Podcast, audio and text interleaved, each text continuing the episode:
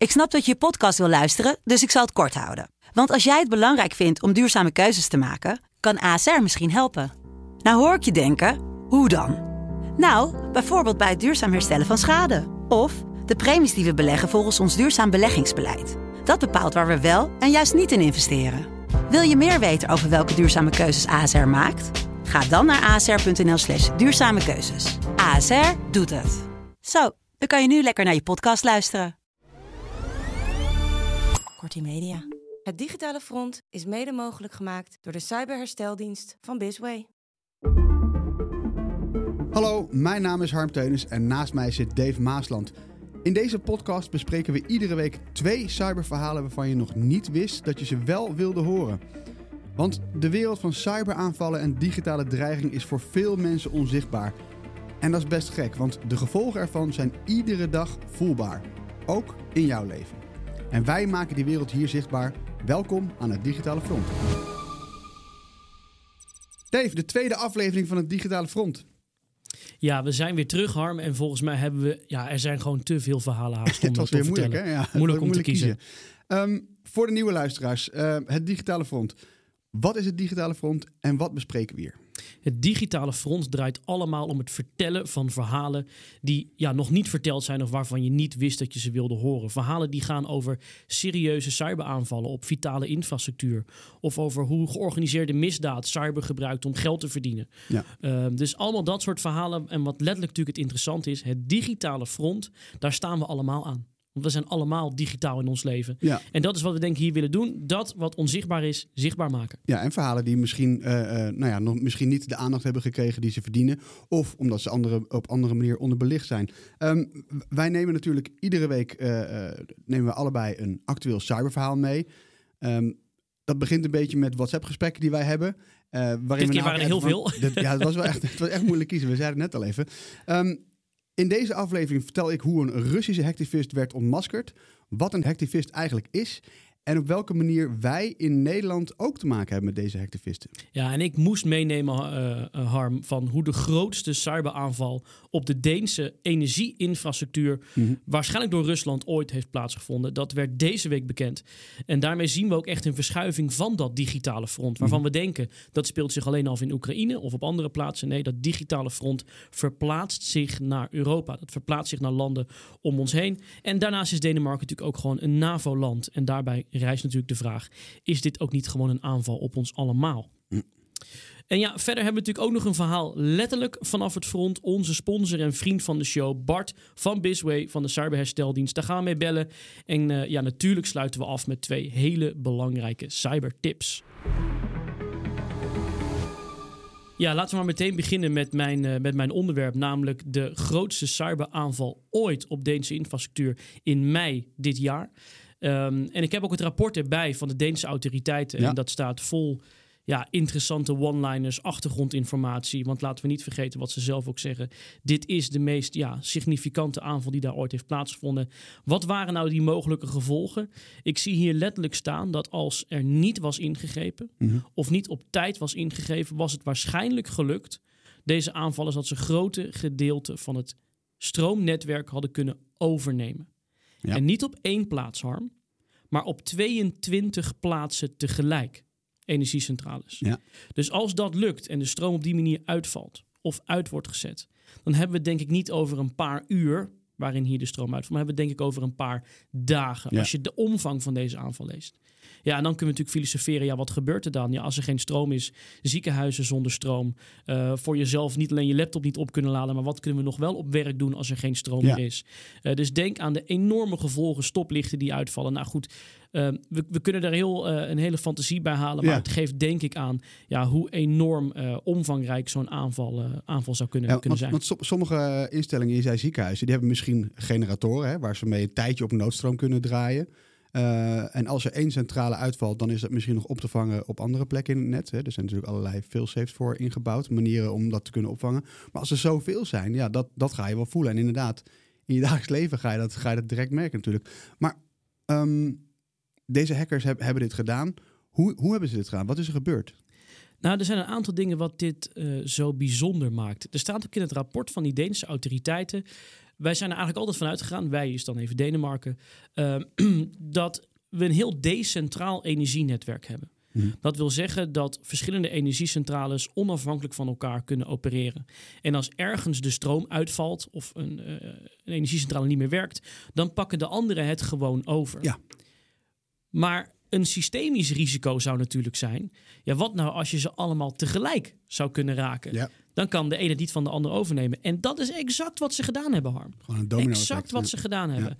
Deze aanvallers, en er zijn aanwijzingen dat de Russische groep Sandworm, waar we vorige week over spraken, een van de meest beruchte hackersgroepen ter wereld, Ja. ook wel in verband gebracht of eigenlijk gelieerd aan de Russische overheid, de Militaire Inlichting en Veiligheidsdienst, dat die hier ook achter zouden zitten. Dus wat hebben ze gedaan? Ehm, in veel bedrijven heb je een firewall. Dat is eigenlijk je digitale eh, ophangbrug. Die bepaalt wie naar binnen en wie naar buiten mag. Hoe je verbinding mag maken met een organisatie. Maar die staat natuurlijk verbonden aan het internet. Dus Ja. daar kan je verbinding mee maken. In heel veel softwareproducten die we gebruiken zitten fouten. Mensen maken die producten, dus we maken fouten. En soms kan je door zo'n fout ja, te gebruiken eigenlijk binnenkomen in een organisatie. Denk als jouw slot van de deur niet helemaal perfect is en ik draai drie keer naar links, twee keer naar rechts, dat ik dan de deur open kan krijgen terwijl ik de sleutel niet heb. En ga dat niet proberen alsjeblieft. Eh, nee, ja, ik hoop dat je er iets beter op slot zit. Ehm, maar dan kan je dus via zo'n eh, kwetsbaarheid kan je naar binnen. Een vulnerability. We gaan natuurlijk de termen meer gebruiken, meer gebruiken hier. Ja. Dat is dus gelukt om bij 16 organisaties tegelijk, waarvan bij 11 succesvol, Mhm. in één klap binnen te komen. Maar dat was nog niet alles, want dat was, ja, laten we zeggen, de eerste aanvalsgolf. Mhm. De tweede aanvalsgolf daarna kwam een paar dagen later.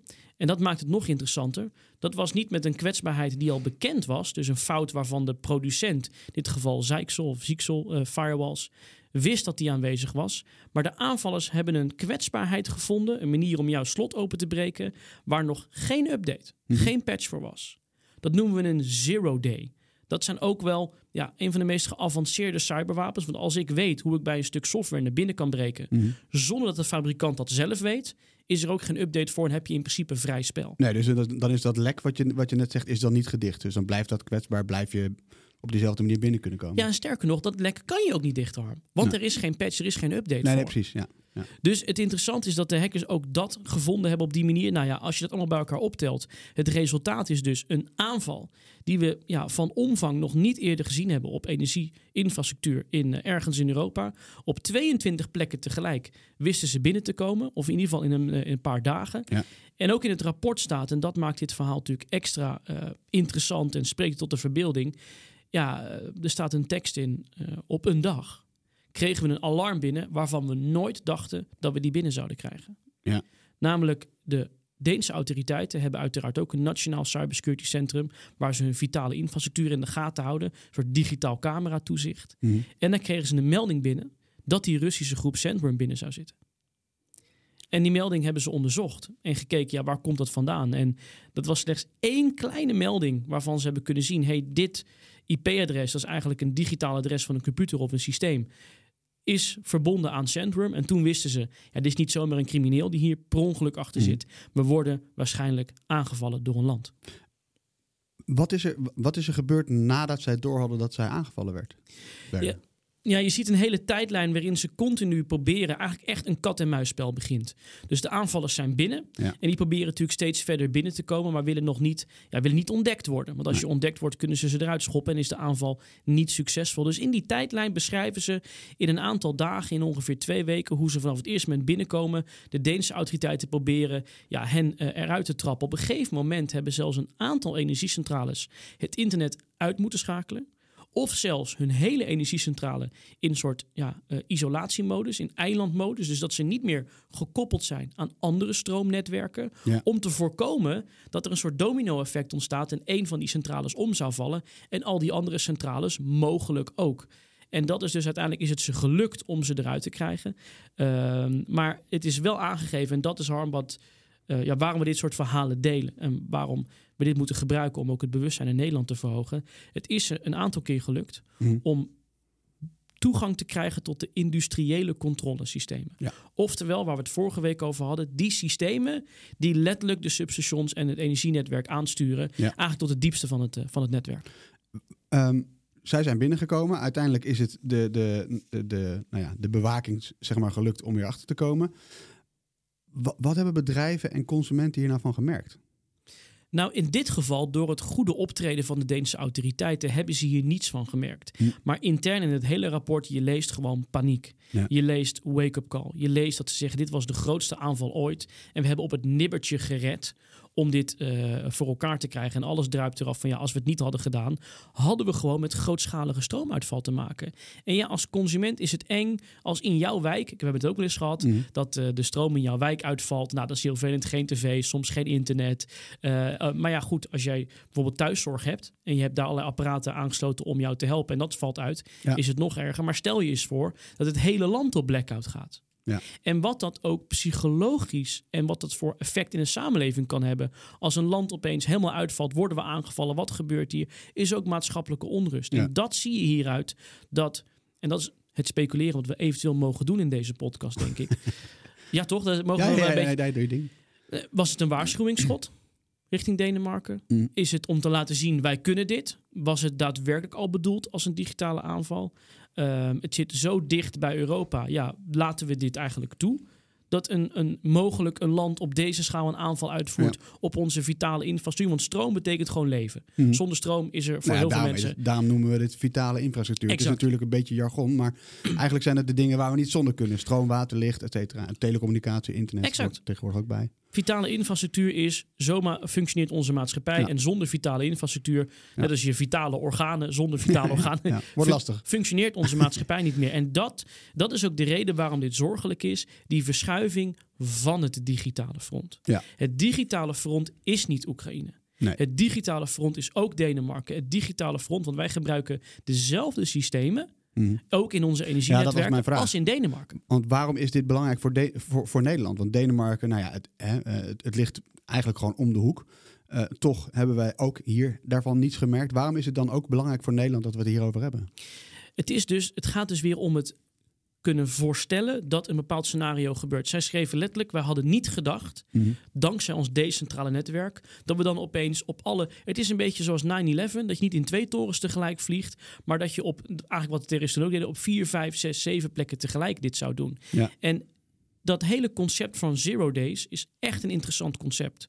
Wat nou als een aanvaller, we weten dus dat ze het kunnen, Mhm. op een mo- moment denkt, wij gaan het ons wel op Nederland richten. We gaan het er zo over hebben waarom we wel een boeiend doelwit zijn. Ze pakken een stuk software wat door alle energiecentrales in Nederland gebruikt wordt. Mhm. Daar vinden ze een achterdeur in. Een gat hoe ze naar binnen kunnen komen. En op één dag besluiten ze op een rode knop te drukken en we gaan nu in één klap alle energiecentrales in Nederland aanvallen. Dat is niet meer Die Hard 4. Dat is geen science fiction meer. Nee. Dat is nu gebeurd in Denemarken. Mhm. En daar moeten we voor plannen. Daar moeten we scenario's voor maken. En Ja. daarom vind ik dit zo belangrijk. Ehm, nou hebben we het vorige week even gehad over de aanval op Oekraïne. Ehm, eh, op het energienet daar. Hè, dat was onze eerste aflevering. Ja. Nu is het ook weer een energiecentrale. Deze hackers hebben uiteindelijk niet malware kunnen plaatsen. Dus iets kunnen doen waarmee ze de, de stroom hebben uitgeschakeld, toch? Nee, ja, de signalen waren er wel dat ze heel dichtbij waren Ja. om die controle over te nemen. En het lijkt er ook op dat dit hun doel was.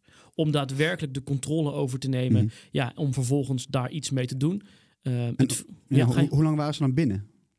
Ja, als je naar de tijdlijn kijkt, en dat is ook de, snel, de, de tip en ja, waar we met z'n allen naartoe moeten.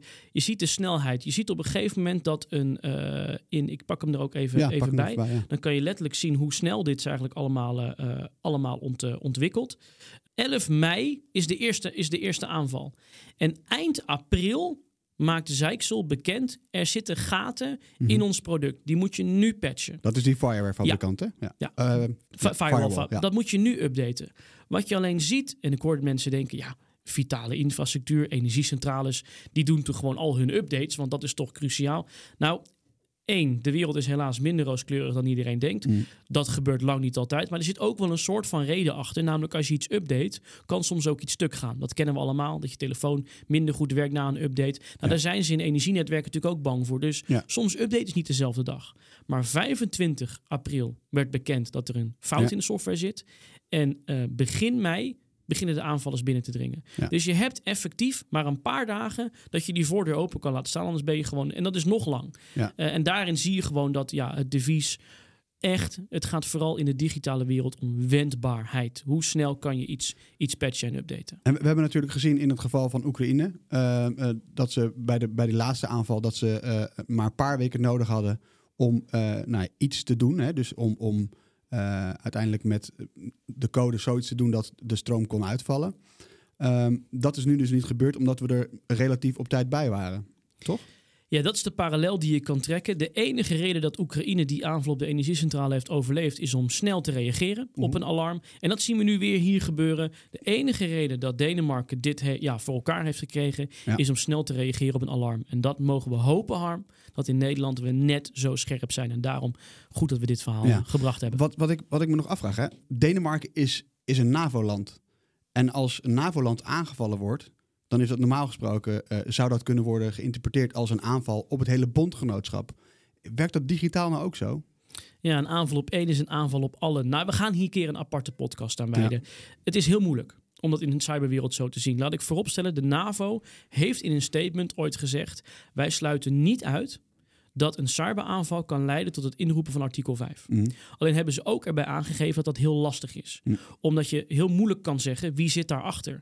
Je kan in de digitale wereld je ook voordoen als iemand anders. Ja. En stel nou dat toevallig Noord-Korea een keer doet alsof ze Rusland zijn en ontketent daarmee de derde wereldoorlog. Daarom Ja. moeten we heel voorzichtig zijn. Ja. Maar ik vind wel dat we het gesprek moeten voeren. Want als we zeer belangrijke aanwijzingen hebben dat Rusland hierachter zit. En laten we het toe dat ze zo'n grootschalige aanval uitvoeren op onze infrastructuur. zonder van ons te laten horen. Mhm. dan denk ik dat we die grens aan het opschuiven zijn. en dat we het er wel over moeten hebben. Dus laten we zorgen dat de gesprekken Ja. hier wel voor eh, over geopend worden. Ja. Dan is het nu tijd voor onze vaste rubriek Bellen met Bart van BISWBV. Onze sponsor, vriend van de show en cyberherstelheld. Bart Lagenweg helpt bedrijven uit de problemen die last hebben van digitale aanvallen. Hij vertelt ons iedere week kort iets over wat hij op de werkvloer heeft meegemaakt. Kortom, letterlijk een verhaal vanaf het digitale front. En Bart, ik geloof dit keer is het een bedrijf dat technische producten verkoopt. Ja, wat, wat is daar gebeurd en vooral wat betekende dat voor het bedrijf? Ja, klopt. Zoals je weet, Dave, vertellen we nooit de naam van de klant, dan vertellen we alleen anonieme zaken. Nou, dit was dus een bedrijf wat consumentenproducten verkocht. En je hoort het me al zeggen, verkocht. En daarbij klikte een werknemer op een phishing link. En dat kan gewoon gebeuren. We kennen ze allemaal wel van die mails die er waar een onbetrouwbare link in staat. Maar ja, dat heeft diegene natuurlijk helemaal niet door. En die klikt erop, omdat het zo betrouwbaar uitzag. Dat hoeft normaal gesproken niet zo'n probleem te zijn. Ehm, en waarom is dat niet zo'n probleem? En nu wel, omdat diegene die er nu de werd op geklikt, diegene kon gelijk het hele netwerk doorscannen. Dus gelijk doorkijken, dus een beetje zoals je huis binnenloopt. Alles is zichtbaar. Geen enkele deur was dicht. Nou, wat betekende dat? Dat die digitale gebieden dus, gebieden dus voor iedereen toegankelijk zijn. Uh, dus ook de vertrouwelijke bestanden. Die waren heel snel in zicht van degene die binnen was gelopen via die phishing link. Dat is een beetje hetzelfde als je de sleutel geeft aan je bezoeker van de meterkast. Dat doe je ook niet. De meterkast van een bedrijf, van een woning staat niet standaard open. En je geeft het helemaal niet aan je gasten. Dus zo moet je het een beetje zien. Hè? Die meterkast hoort gewoon dicht te zijn. Dat is die ook meestal wel. Nou, als je deze digitale branddeur hebt ge geïnstalleerd, hè? dus, dus heeft, ingebouwd en die sleutel gewoon uh, netjes hebt opgeborgen, is die hacker echt veel langer bezig om alles in kaart te brengen. En is de kans ook echt veel groter dat iemand doorheeft dat iemand in jouw bedrijf of je huis aan het rondlopen is. Ja, en nu ging het heel snel. En uh, Dave, jij weet wel hoe lang het normaal gesproken duurt. Ja, dit soort aanvallers kunnen soms maanden, een half jaar tot acht maanden binnenzitten natuurlijk. Ja, ja, precies. Maar dit bedrijf had geen digitale branddeur geïnstalleerd. Dus ja, die klikt op zo'n link. Zo'n hacker kan gelijk, gelijk door naar, de, naar, de, de, nou ja, goed, naar de goud, uh, het goud van het bedrijf. Um, en uh, kan gelijk weer doorlopen. En vooral heel snel, echt, echt enkele uren. Ja, wat was nou de schade? Hè? Want dat was echt wel een heel vreselijk verhaal. Uh, nou ja, die hadden heel snel hadden ze een schijf te pakken met uh, vertrouwelijke data. Ja, en uh, ze hadden heel snel die data ook versleuteld in enkele uren, dus niet in die maanden. Nou, en dan werd het helemaal vervelend, want er bleek geen backup te zijn van die schijf. Want dat, de, de, klant dacht, nou, het zal allemaal wel meevallen. En uiteindelijk werd er losgeld gevraagd. Ja, en dat kon het bedrijf niet betalen. Uh, en dat heeft twee uh, echt niet leuke gevolgen gehad. En je hoorde het al een beetje in mijn inleiding. Ten eerste, die data is allemaal vrijgegeven. En ten tweede, ja, dat bedrijf bestaat dus niet meer. Wacht even, dus als ik het goed begrijp, hè Bart. Iemand klikt op een phishing link. Daarna gaat het razendsnel. Het hele bedrijf ligt plat. Met als gevolgen, dit bedrijf is gewoon failliet. Nou, moet je ook iets positiefs toevoegen. Wat, wat is de tip voor de luisteraar? ja, nou, het positieve is, ga die digitale branddeur installeren. Weet je, dat, dan uh, wordt het makkelijker om, de, om te deleteren. Ga niet denken, er klikt niemand op een phishing link, want het gebeurt gewoon heel veel. Het is ook vaak niet te voorkomen. Maar het maakt de schade veel kleiner en de kans op uh, partijen dat ze zien dat er iets aan de hand is veel groter. Helemaal goed. Bedankt Bart. Tot volgende week. En horen we uiteraard een nieuw verhaal vanaf het digitale front. Dave, ik wil het even hebben over uh, een nieuwsbericht over de mogelijke ontmaskering van een pro-Russische hacktivist. hacktivist, vertel. Nou, hij zou de leider zijn van, van een beruchte groep uit, uh, uit Rusland. En die groep die voerde allerlei uh, aanvallen uit. En dat hij ontmaskerd is, is best wel bijzonder. Want doorgaans blijven dit soort mensen natuurlijk liever onbekend. Um, dit bericht komt van The Record. En, en zij melden dat zijn identiteit is onthuld door een Russische nieuwswebsite, notabene. Dus dat is op, op zich ook wel opmerkelijk. Een Russische nieuwswebsite. Bijzonder. Die publiceert over, een, uh, over, over deze hacktivist. Um, maar misschien wel goed om even uit te leggen ja, wat dan een hacktivist is. En um, uh, corrigeer me als ik het verkeerd zeg. Kijk, hacktivisme is een, een, gek woord, kennen we misschien niet. Samenstelling van hacken en, en activisme. En met hacken hebben we het natuurlijk over het inbreken in computersystemen. Nou, combineer dat met activisme, dan ben je er ongeveer wel. Dus het kan dus zijn dat je dus met een politiek of met een ander motief ergens gaat inbreken, uh, gaat hacken, uh, om welke reden dan ook. En welke vorm van hacken dat dan is. Nou, dat kan bijvoorbeeld defacing zijn. Dus uh, dat is een, een, een term voor de inhoud van een, van een website aanpassen. Dus stel, ik deface de website nou, van onze podcast, onze eigen website dan gaan we daar in één keer een andere website uh, neerzetten of andere, andere gegevens neerzetten, andere berichten laten zien. Je kunt natuurlijk uh, inbreken en data lekken. Um, andere is uh, DDoS aanvallen uitvoeren. Um, dus het hoeft niet per se altijd hacken te zijn, hè? dus computerhuisverredenbreuk. Maar het kunnen ook cyberaanvallen zijn die op een andere manier uh, schade veroorzaken. Ja, ik denk dat we een beetje ook kunnen zien, denk ik, als wat Greenpeace doet. Die zal nooit een fabriek in de hand steken. Nee. Oftewel echt dingen saboteren. Maar je ziet wel dat ze hè, uh, de wegen blokkeren of voorkomen dat een schip in de haven aankomt. Ja. Dus het is vaak, ja, we noemen het ook wel eens digitaal vandalisme. Ja, ja dat is nou ja, mooi, dat, dat is denk ik iets. En dat betekent niet, dat kan nog steeds soms veel impact hebben. Ja. Alleen ik vind het inderdaad heel belangrijk ook in de media, dat als we het volgende keer hebben over Russische cyberaanvallen, dan zijn mensen vaak in paniek. Ja, hacktivisme staat wat mij betreft niet gelijk aan een zeer geavanceerde Russische cyberaanval, nee, maar kan wel impact hebben. Ja, want dat is natuurlijk best wel vaak de discussie, en die heb ik ook wel eens met collega's, van oké, okay, wanneer is het nou, uh, wanneer is het nou hacken? En wanneer is het nou uh, hacktivisme of wanneer is het nou een cyberaanval? Het, het, een, is, het een sluit het ander uh, een beetje uit, toch? Of, of niet? Nou, ik denk in ieder geval dat we voorzichtig moeten zijn met, het, uh, met, met, met de koptekst daarbij. Kijk, op zich in principe is het een cyberaanval. Ja. Alleen de gevolgen zijn vaak beperkt tot één systeem of één website. En dat kan wel anders zijn, mm. maar ik vind dat we daarin heel duidelijk moeten zijn. Maar dat is wel een van de meest opvallende dingen in de oorlog in Oekraïne. Dat decentrale karakter. Ja. Dagen na de oorlog ging opeens iedereen meedoen. Iedereen ja. kon opeens die DDoS aanvallen. Dus daarom is dit verhaal wel interessant. Nou ja, in, in het conflict hebben uh, in het conflict in, in Rusland en Oekraïne uh, of in Oekraïne hebben groepen doorgaans niet zo heel ingewikkelde aanvallen uitgevoerd. Hè. Het zijn met name dus die DDoS aanvallen. Uh, maar die zorgen dus wel tijdelijk voor storingen bij ja, banken, bedrijven, websites van ziekenhuizen, spoorwegbedrijven. En, en andere publieke diensten in Rusland, maar dus ook in Oekraïne. Maar nu willen we wel weten, wie is het? Wie werd er ontmaskerd? Ja, dat is um, uh, zijn hackersnaam, daar wil ik het even bij houden. Killmilk. um, zijn echte naam is wat moeilijk uit te spreken. Ja, nou, uh, Killmilk heet, is, is zijn alias. En hij is de leider van de hacktivistengroep Killnet. En um, Killnet kennen we misschien als de nou ja, hacktivistische groep die kort na de start van de invasie in Oekraïne is opgericht. Zij hebben ongeveer 9000 volgers als je kijkt naar een, een Telegram groep. Uh, groep. Um, er zijn wel eens suggesties gedaan overigens dat er banden zouden zijn met het Kremlin. Maar dat uh, ontkennen ze zelf wel. Um, ja, en tegelijkertijd als je dan kijkt wat zij doen. Zij zijn vooral bezig met het aanvallen van, van organisaties, landen of organisaties die Oekraïne steunen. Die dus pro-Oekraïne zijn en in hun ogen dus anti-Russisch zijn.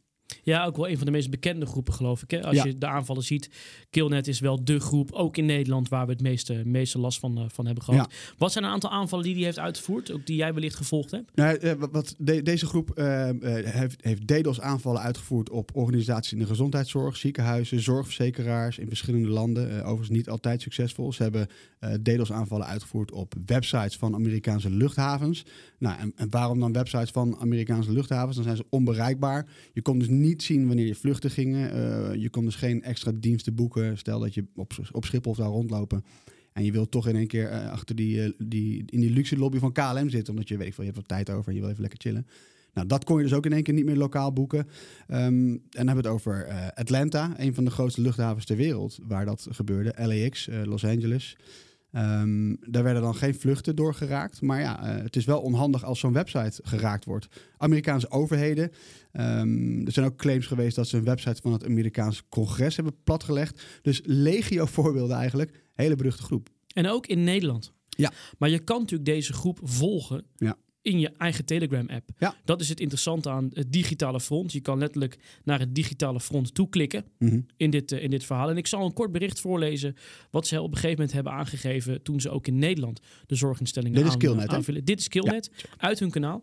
Het is heel simpel. Om de naties in Oekraïne te steunen, slopen we alle medische voorzieningen in deze landen. De VS, Portugal, Spanje, Duitsland, Polen, Finland, Noorwegen, Nederland en Groot-Brittannië. Ja. Deze informatie is uw zijdelings blikken niet waard. Denk beter aan de Donbass en dan komt er een heel, Ja. eh, heel verhaal. En dan inderdaad, dan plaatsen ze een aantal domeinnamen in die chat. Ja. UMCG.nl, andere dingen. Die vallen ze aan. Vervolgens gaan die websites plat. Ja. ZCERT, dat is ja, de cyberbeveiligingsorganisatie die zich zorgen maakt of die zich bekommert om de eh, eh, ziekenhuizen in Nederland.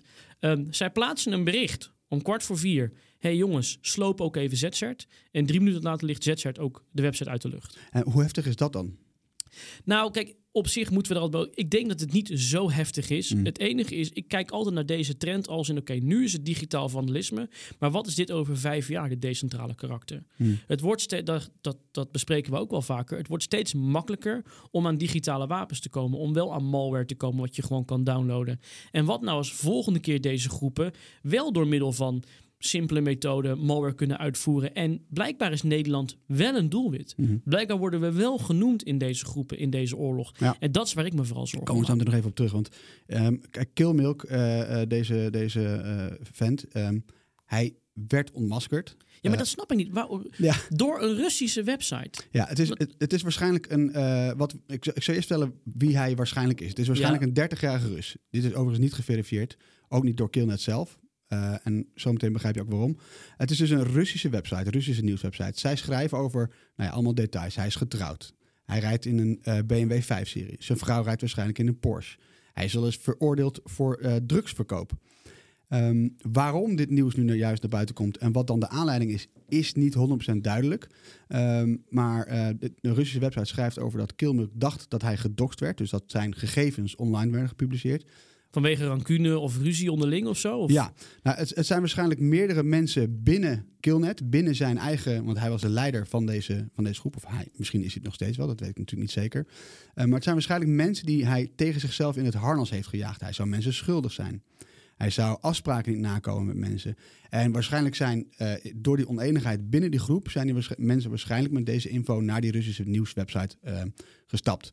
En dus weten we, hè, zou dit eh, het gevolg kunnen En zijn? hoe we dus bijzonder weten- is dat dan? Dat iemand, zo'n iemand wordt, wordt ontmaskerd. Nou, we zien het niet heel vaak. En dat is natuurlijk ook niet zo gek. Want je wil natuurlijk als eh activist ehm, eh, of als, als hacker... wil je natuurlijk liever niet bekend worden. Want in principe doe je dingen die niet mogen. Ehm, en dat is een probleem omdat... Nou ja, normaal gesproken, als je dit in Nederland zou, zou doen... zou je vervolgd worden. In beide gevallen. Breek je in, word je vervolgd. Maar ook een DDoS-aanval is gewoon, is gewoon strafbaar. Ehm, maar goed, deze, eh, in Rusland worden deze hackers eh, de afgelopen jaren wordt hen de handen boven het hoofd gehouden, zolang ze maar geen Russische eh, aanvallen uitvoeren. Maar wat nou als we straks, als straks de oorlog voorbij is? Precies. Kijk even verder bij het...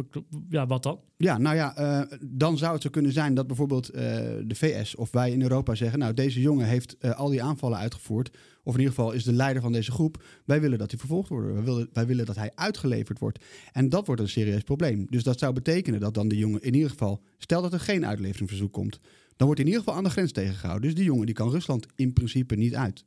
Ehm, bovendien maakt hij ook van op die manier, als zijn gegevens op straat liggen, wordt hij zelf misschien ook wel een doelwit van andere hackers. Want je kunt je voorstellen, aan beide kanten van dit conflict zijn, eh, zijn hacktivisten aanwezig. Eh, eh, we hebben hacktivisten die voor Rusland knokken, zo gezegd.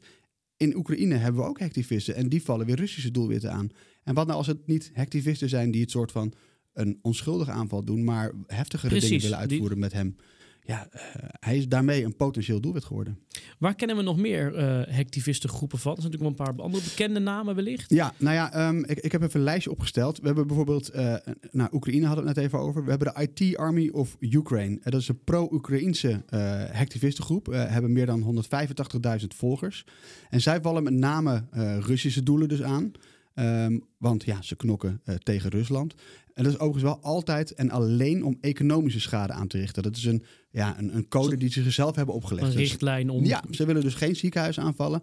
Eh, ze zullen niet het, het, het Rode Kruis of iets dergelijks aanvallen. Of een, een, een andere NGO die go- goede dingen doet voor mensen. Het ze- Rode Kruis trouwens Mm. heeft hier zelf ook regels voor gemaakt, bedenk Ja. ik me net. Ja, nou, en, en die regels die heeft het Ja. IT Army of Ukraine ah, dus die hebben ze geadopteerd. Ja. Overigens zou Killnet die ook hebben ondertekend. Maar, ja, je, ziet, je noemde net wel ziekenhuizen. Ja. Zijn ook aangevallen. Nou, eh, IT Army of Ukraine. Overigens opgericht door eh, eh, de, ehm, het, een van de ministeries in Oekraïne. Ehm, hebben we Killnet, pro-Russisch, hebben we net over gehad. Doen met name DDoS aanvallen. Dan hebben we ja, ehm, ehm, no- eh, Anonymous Sudan hebben we. We hebben Anonymous, we hebben de Cyber Army of Russia Reborn.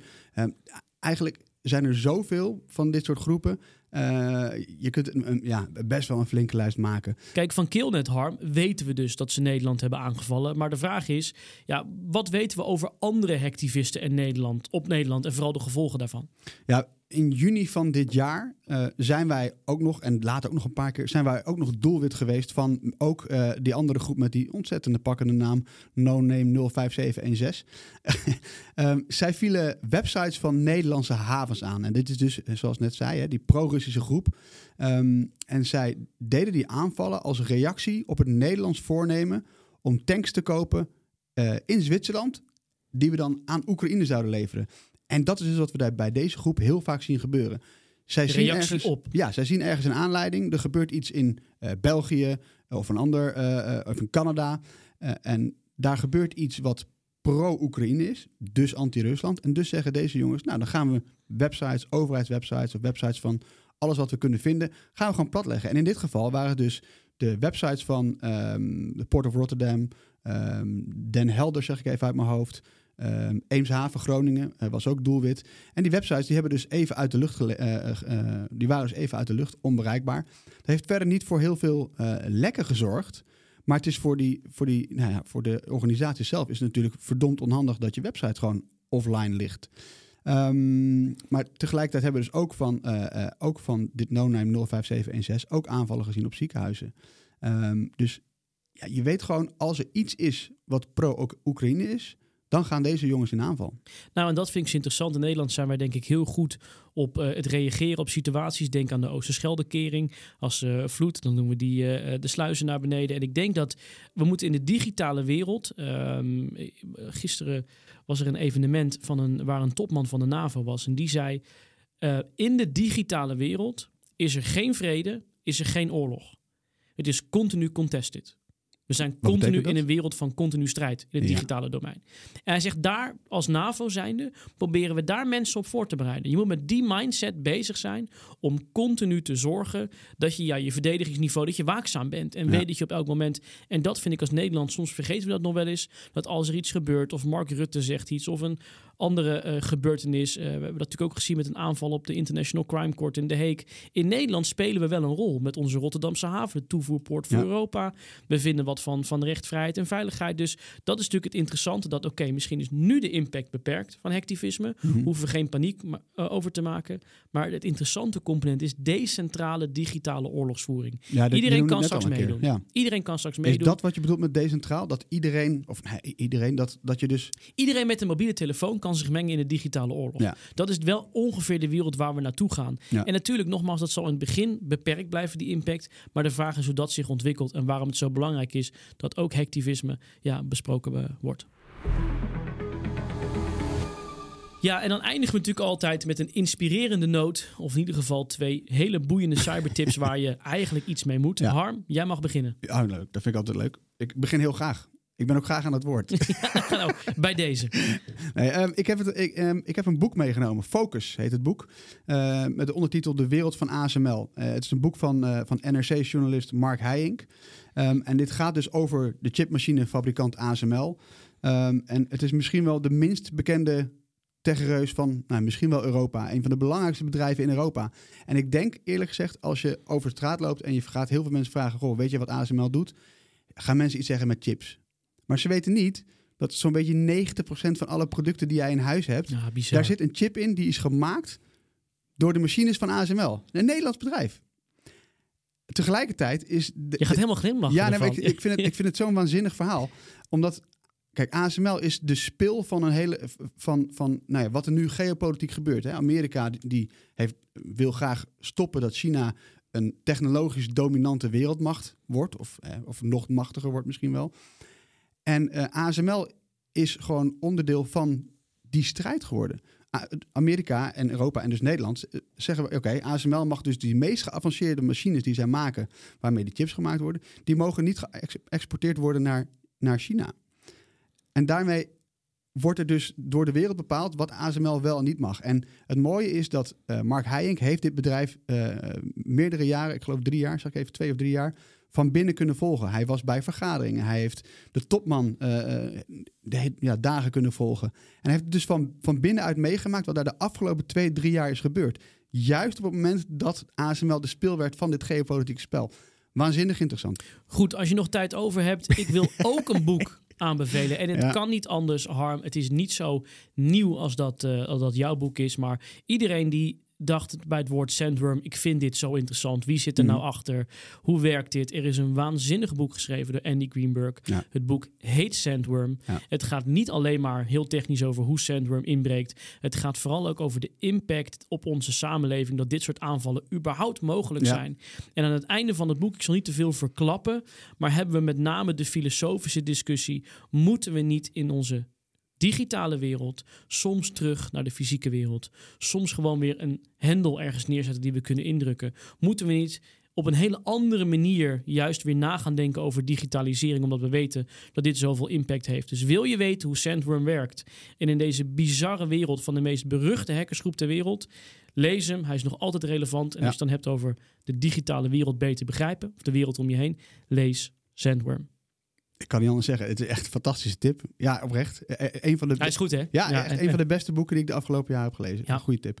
Ehm, we zijn alweer aan, een, aan het einde van deze tweede aflevering gekomen, Dave. Veel te snel. Ja. En er gebeurt nu alweer heel veel, dus ik heb... eh, En we hebben beloftes gedaan voor wat we nog meer gaan bespreken in deze serie. Dus dat, eh, die moeten we even opschrijven, dat we niet Ja. vergeten. Dit was het Digitale Front. Wij zijn Harm Teunis en Dave Maasland. Je kunt ons volgen via X, Dave Maasland, Harm Teunis en natuurlijk via Digitale Front. Dus niet het Digitale Front, maar Digitale Front. Doe dat allemaal. Heb je nou tips? Wil je ons eens vragen? Eh, heb je commentaar wat wij doen? Of zeg je van jongens, wat doen jullie ongelooflijk leuk? Mail ons vooral op hetdigitalefront.kortimedia.nl C-O-R-T-I met een C dus. Korti met een C. Tot volgende week. Tot volgende week.